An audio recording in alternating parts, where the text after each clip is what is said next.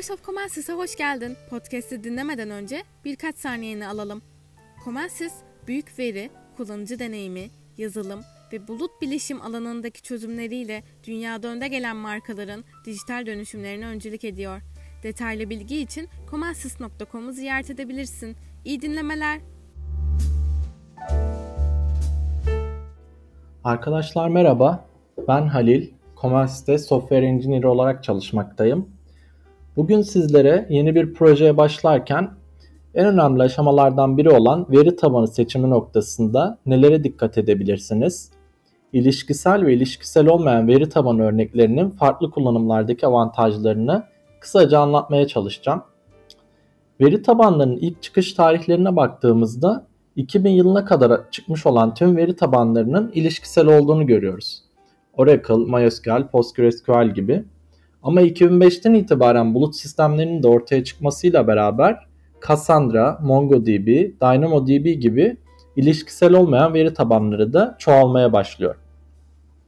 Günümüzde yüzlerce veri tabanı mevcut olsa da bunları çalışma ve depolama mantıklarını göz önünde bulundurarak başlıca 8 kategoride inceleyebiliriz. Bunlar ilişkisel yani relational, anahtar değer, key value olarak geçiyor bu, belge yani document, in-memory, graph, search, time series ve ledger olarak ayrılabilir. Zaman içinde farklı ihtiyaçlar oluşması bu kadar farklı veri tabanı türünün ortaya çıkmasına sebep olmuş diyebiliriz. Consistency, Availability ve Partition Tolerance kelimelerinin baş harflerinden oluşan CAP teoremi de bunu doğrular nitelikte. Bu teori 1998 yılında ortaya atılmış. Consistency'yi tutarlılık olarak çevirebiliriz. Örneğin birden fazla sunucuda çalışan bir sisteminiz var ve bir sunucuya x değer olarak 5 yazdınız. Daha sonra farklı bir sunucudan bu değeri okumaya çalıştığınızda 5 geliyorsa bu sisteminiz tutarlılık koşulunu sağlıyor demektir. Availability yani erişilebilirlik koşulunda sistemin her zaman gelen sorgulara cevap dönebilmesi gerekiyor. Bölünebilirlik toleransı yani partition toleransı ise sunucular arasında bağlantı gitse bile sistemin çalışmaya devam edebilmesi gerekmekte. CAP teoreminde aynı anda bu üç koşuldan maksimum ikisinin sağlanabileceği ortaya koyulmuş. Örneğin geleneksel ilişkisel veri tabanları için CA diyebiliriz.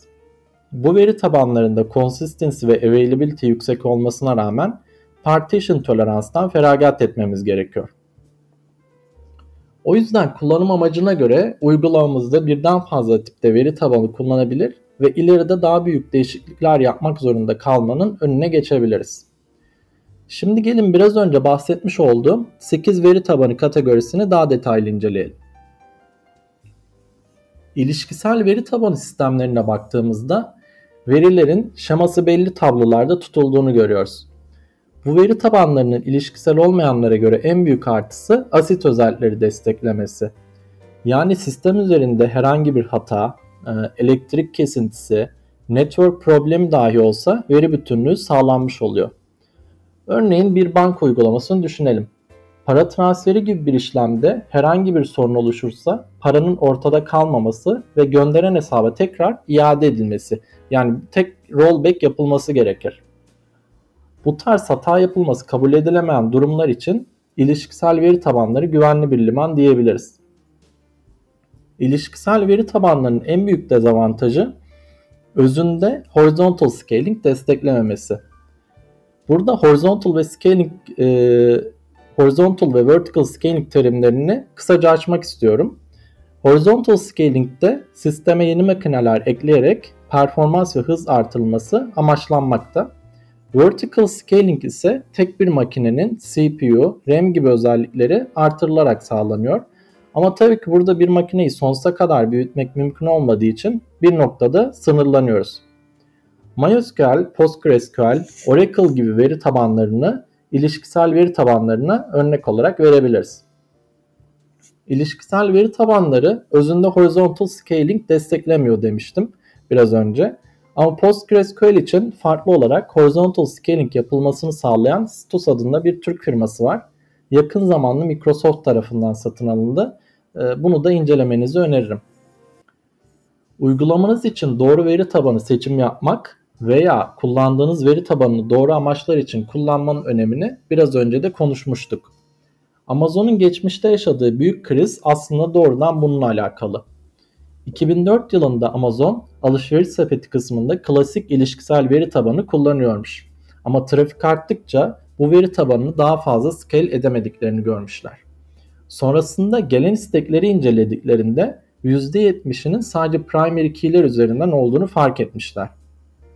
Yani ihtiyaçları olan veriyi çekmek için kompleks query'ler kullanmanın gereksiz olduğu ortaya çıkmış.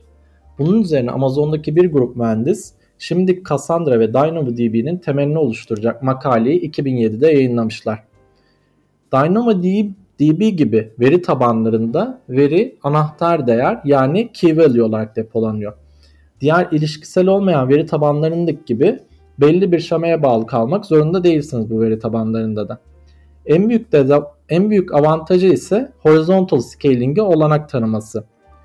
Dezavantaj olarak ise key value veri tabanlarında odak noktası key kısmı olduğu için key haricinde arama yapmak oldukça zor. Özetle ilişkisel veri tabanlarındaki farklı join yapılarını ve kompleks query'leri gerektirmeyen işleriniz için key value veri tabanlarını tercih edebilirsiniz. Belge veri tabanı olarak Türkçeleştirilen document veri tabanlarına geçtiğimizde ise bu sistemlerde verinin JSON benzeri formatta saklandığını görüyoruz. Bu veri tabanı sistemini okul yıllarındaki not almamıza benzetebiliriz. Satır ve sütunları çok düşünmeden veriyi daha doğal bir haliyle tutarız. Aslında document veri tabanları JSON objesinin sıklıkla kullanılmaya başlamasından sonra ortaya çıktı. Geleneksel olarak ilişkisel veri tabanları kullanırken JSON halinde gelen verinin ORM araçlarıyla ilişkisel hale getirilip öyle depolanması gerekiyordu. Ama bunun efektif olmadığı düşünülünce document veri tabanları ortaya çıktı. Böylece veriyi dönüştürme masrafı olmadan direkt gelen JSON depolanabilir hale geldi. Ayrıca document veri tabanlarında bir obje tek bir dokümanda tutulduğu için ekstra joinlere gerek kalmadan istediğimiz veriyi çok daha hızlı bir şekilde çekebiliyoruz. Document veri tabanlarının key value veri tabanlarına göre avantajı da veriyi çekmek için key value veri tabanlarındaki gibi sadece primary key'e bağlı kalmak zorunda değilsiniz. Oyunlarda kullanıcı profillerinin bu tarz document veri tabanı sistemlerinde tutulduğunu görmekteyiz. Ayrıca document veri tabanlarında her bir doküman kendi içerisinde istediği alanları tutabildiği için ürün kataloğu gibi durumlarda da bu, bu e, veri tabanı şeklini kullanabiliriz. Örneğin bir ürün kataloğunda kıyafetler için beden, renk gibi özellikleri tutmamız gerekirken bir akıllı telefon için hafıza, işlemci hızı gibi bilgileri tutmamız gerekir. Geleneksel tablo yapısında böyle bir yapıyı kurmak çok zor olacakken document veri tabanları ile hızlı bir şekilde uygulayabiliriz. MongoDB bu alandaki en popüler veri tabanı olarak gösterilebilir. Ayrıca YouTube'da MongoDB çalışanları tarafından yapılmış, neden diğerlerinden daha iyi olduklarını anlatan eğlenceli bir parodi şarkı var. MongoDB Cheap Thrills Parody gibi bir şey yazarsanız bulabilirsiniz. Onu da dinlemenizi öneririm. Normalde veriler hard disk veya SSD gibi birimlerde depolanırken in-memory veri tabanı şeklinde ise bilgiler RAM'de tutulduğu için veriyi çok hızlı bir şekilde çağırabiliyoruz. Ama bu yüzden sunucuda bir problem olduğunda veya ekstra bir sorun yaşandığında veri kurtarma olasılığı çok düşüyor. Bu sebeple bu tarz in-memory veri tabanları persistent veri tabanlarının yanında destek olarak kullanılıyor diyebiliriz. Genellikle cache'leme işlemlerinde bu veri tabanı tipi tercih ediliyor. Böylece hızlı bir şekilde şekilde veriye erişim şansı oluyor. Ayrıca büyük oyunlarda lider tablosunu tutmak için de in-memory veri tabanlarının kullanıldığını görüyoruz. Çünkü aynı anda milyonlarca oyuncunun skoru tek bir tabloda tutulacağı için her defasında sıralayıp döndürmek geleneksel yöntemle yapıldığında uzun sürede, süreler alıyor. Örneğin bir in-memory veri tabanı olan Redis hem hızıyla hem de sorted set yapısıyla bu tarz sıralamalar için biçilmiş bir kaftan gibi. Çünkü sorted set, set yapısında veri sıralanmış olarak tutulduğu için her defasında sıralama işlemine gerek kalmıyor. Burada unutmamamız gereken nokta in-memory veri tabanlarının genellikle tek başına kullanılmadığı. Bir önceki lider tablosunu düşünürsek bir oyuncu puan kazandığında hem in-memory hem de persistent veri tabanını eş zamanlı olarak güncellemek daha sağlıklı olacaktır. Bu sayede RAM'de tutulan geçici bilgiler silinse bile persistent bir veri tabanından recover etme şansınız olacaktır. Search veri tabanlarına baktığımızda ise adından da anlaşılacağı üzere bir arama yaptığınızda onlarca veri arasından arama terimine en yakın sonuçları listelemek üzerine kullanılıyorlar. Aslında temel olarak arama terimiyle her bir doküman arasındaki eşleşme oranını bulduktan sonra en yüksek olana göre sıralanan bir liste döndürülüyor. Log analizinden e-ticaret uygulamalarına kadar birçok alanda bu veri tabanının kullanıldığını görebiliriz. Bu alandaki en büyük oyunculardan biri olarak Elasticsearch örnek gösterilebilir. Elasticsearch yani search veri tabanları da genellikle asıl veri kaynağı olarak kullanılmazlar. Yani ana bir veri tabanını oluşturduktan sonra arama yapmak istediğiniz verileri buraya senkronize ederek kullanmanız daha mantıklı olacaktır. Graf veri tabanı aslında günlük hayatta sıklıkla kullandığımız Facebook'un temelini oluşturan bir veri tabanı modeli.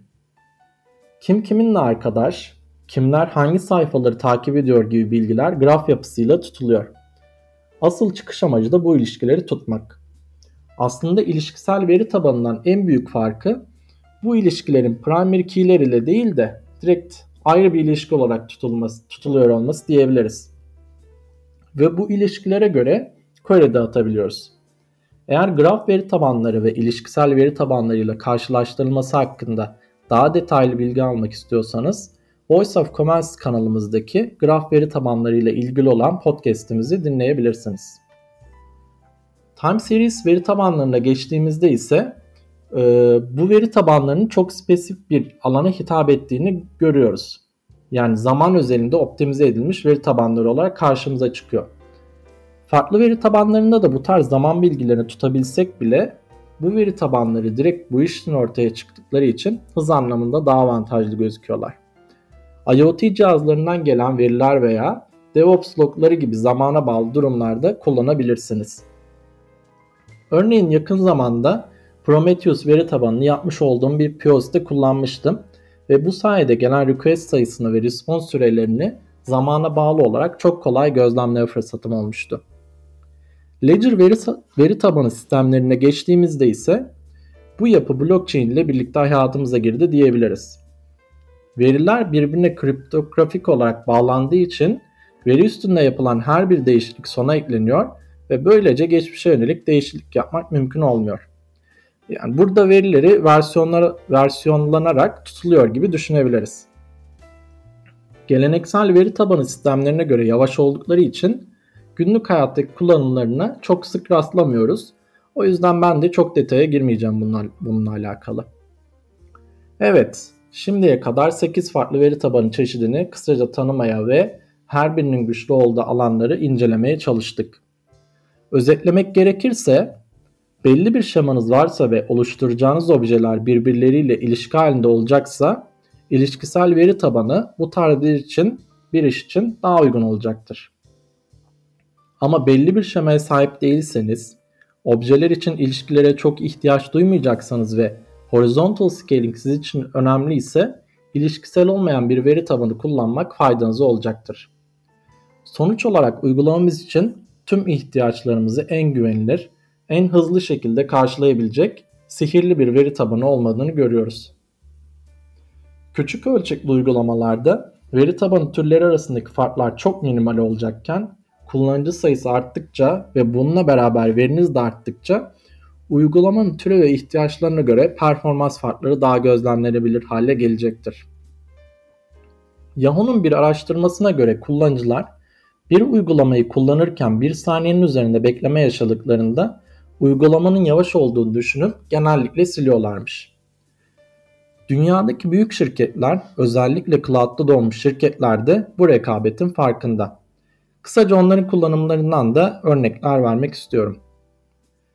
Airbnb farklı amaçlar için farklı veri tabanları kullanıyor. Kullanıcıların arama geçmişini tutmak için e, Amazon DynamoDB, Session State için bir in-memory veri tabanı olan Amazon Elasticsearch ve Amazon RDS'i de geri kalan ilişkisel veriler için kullanıyorlarmış. Duolingo'da uygulamanın efektif çalışması için farklı veri tabanı sistemleri kullanıyor. Kullanıcıların hangi dillerde ne kadar ilerleme sağladıklarını kaydetmek için bir key value veri tabanı, sıklıkla kullanılan kelimeler için ise bir in-memory veri tabanı kullanıyorlarmış. Bu örnekler ışığında milyonlarca kişinin kullanacağı bir e-ticaret web sitesi yaptığımızı düşünelim. Ürün kataloğumuz için bir document veri tabanı, kullanıcıların alışveriş sepeti için bir key value veri tabanı, arama motoru için bir search veri tabanı, en çok satanlar listesi için bir in-memory veri tabanı, başka kullanıcıları referans alarak ürün önerileri yapmak için bir graf veri tabanı, her şey tamamlanıp ödeme işlemine geçildiğinde kayıtlar için ise güvenli limanımız olan ilişkisel bir veri tabanı kullanabiliriz. Böylece her bir veri tabanı türünün güçlü olduğu yanları kullanarak kullanıcı deneyimini en üst düzeye çıkarmış oluruz. Her ne kadar konuşurken hibrit bir veri tabanı sistemi kullanıyor olmak mantıklı ve kolay gözükse de farklı tür veri tabanları arasındaki senkronizasyon sağlamak, yeni bir teknolojiyi öğrenirken harcayacağınız süre, kullanmak istediğiniz veri tabanının kullanıcı kitlesi aktif mi gibi kriterleri de göz önünde bulundurmanızı tavsiye ederim. Bu sayede artı ve eksileriyle maksimum faydaya nasıl ulaşabileceğinizi bulabilirsiniz. Farklı veri tabanı türlerini konuştuğumuz bu kaydı dinlediğiniz için teşekkür ederim. Umarım yeni projelerinizde ihtiyacınıza göre doğru veri tabanı seçimi yapma konusunda fikir sahibi olmanızı sağlayabilecek bir podcast olmuştur. Beni dinlediğiniz için tekrardan teşekkürler.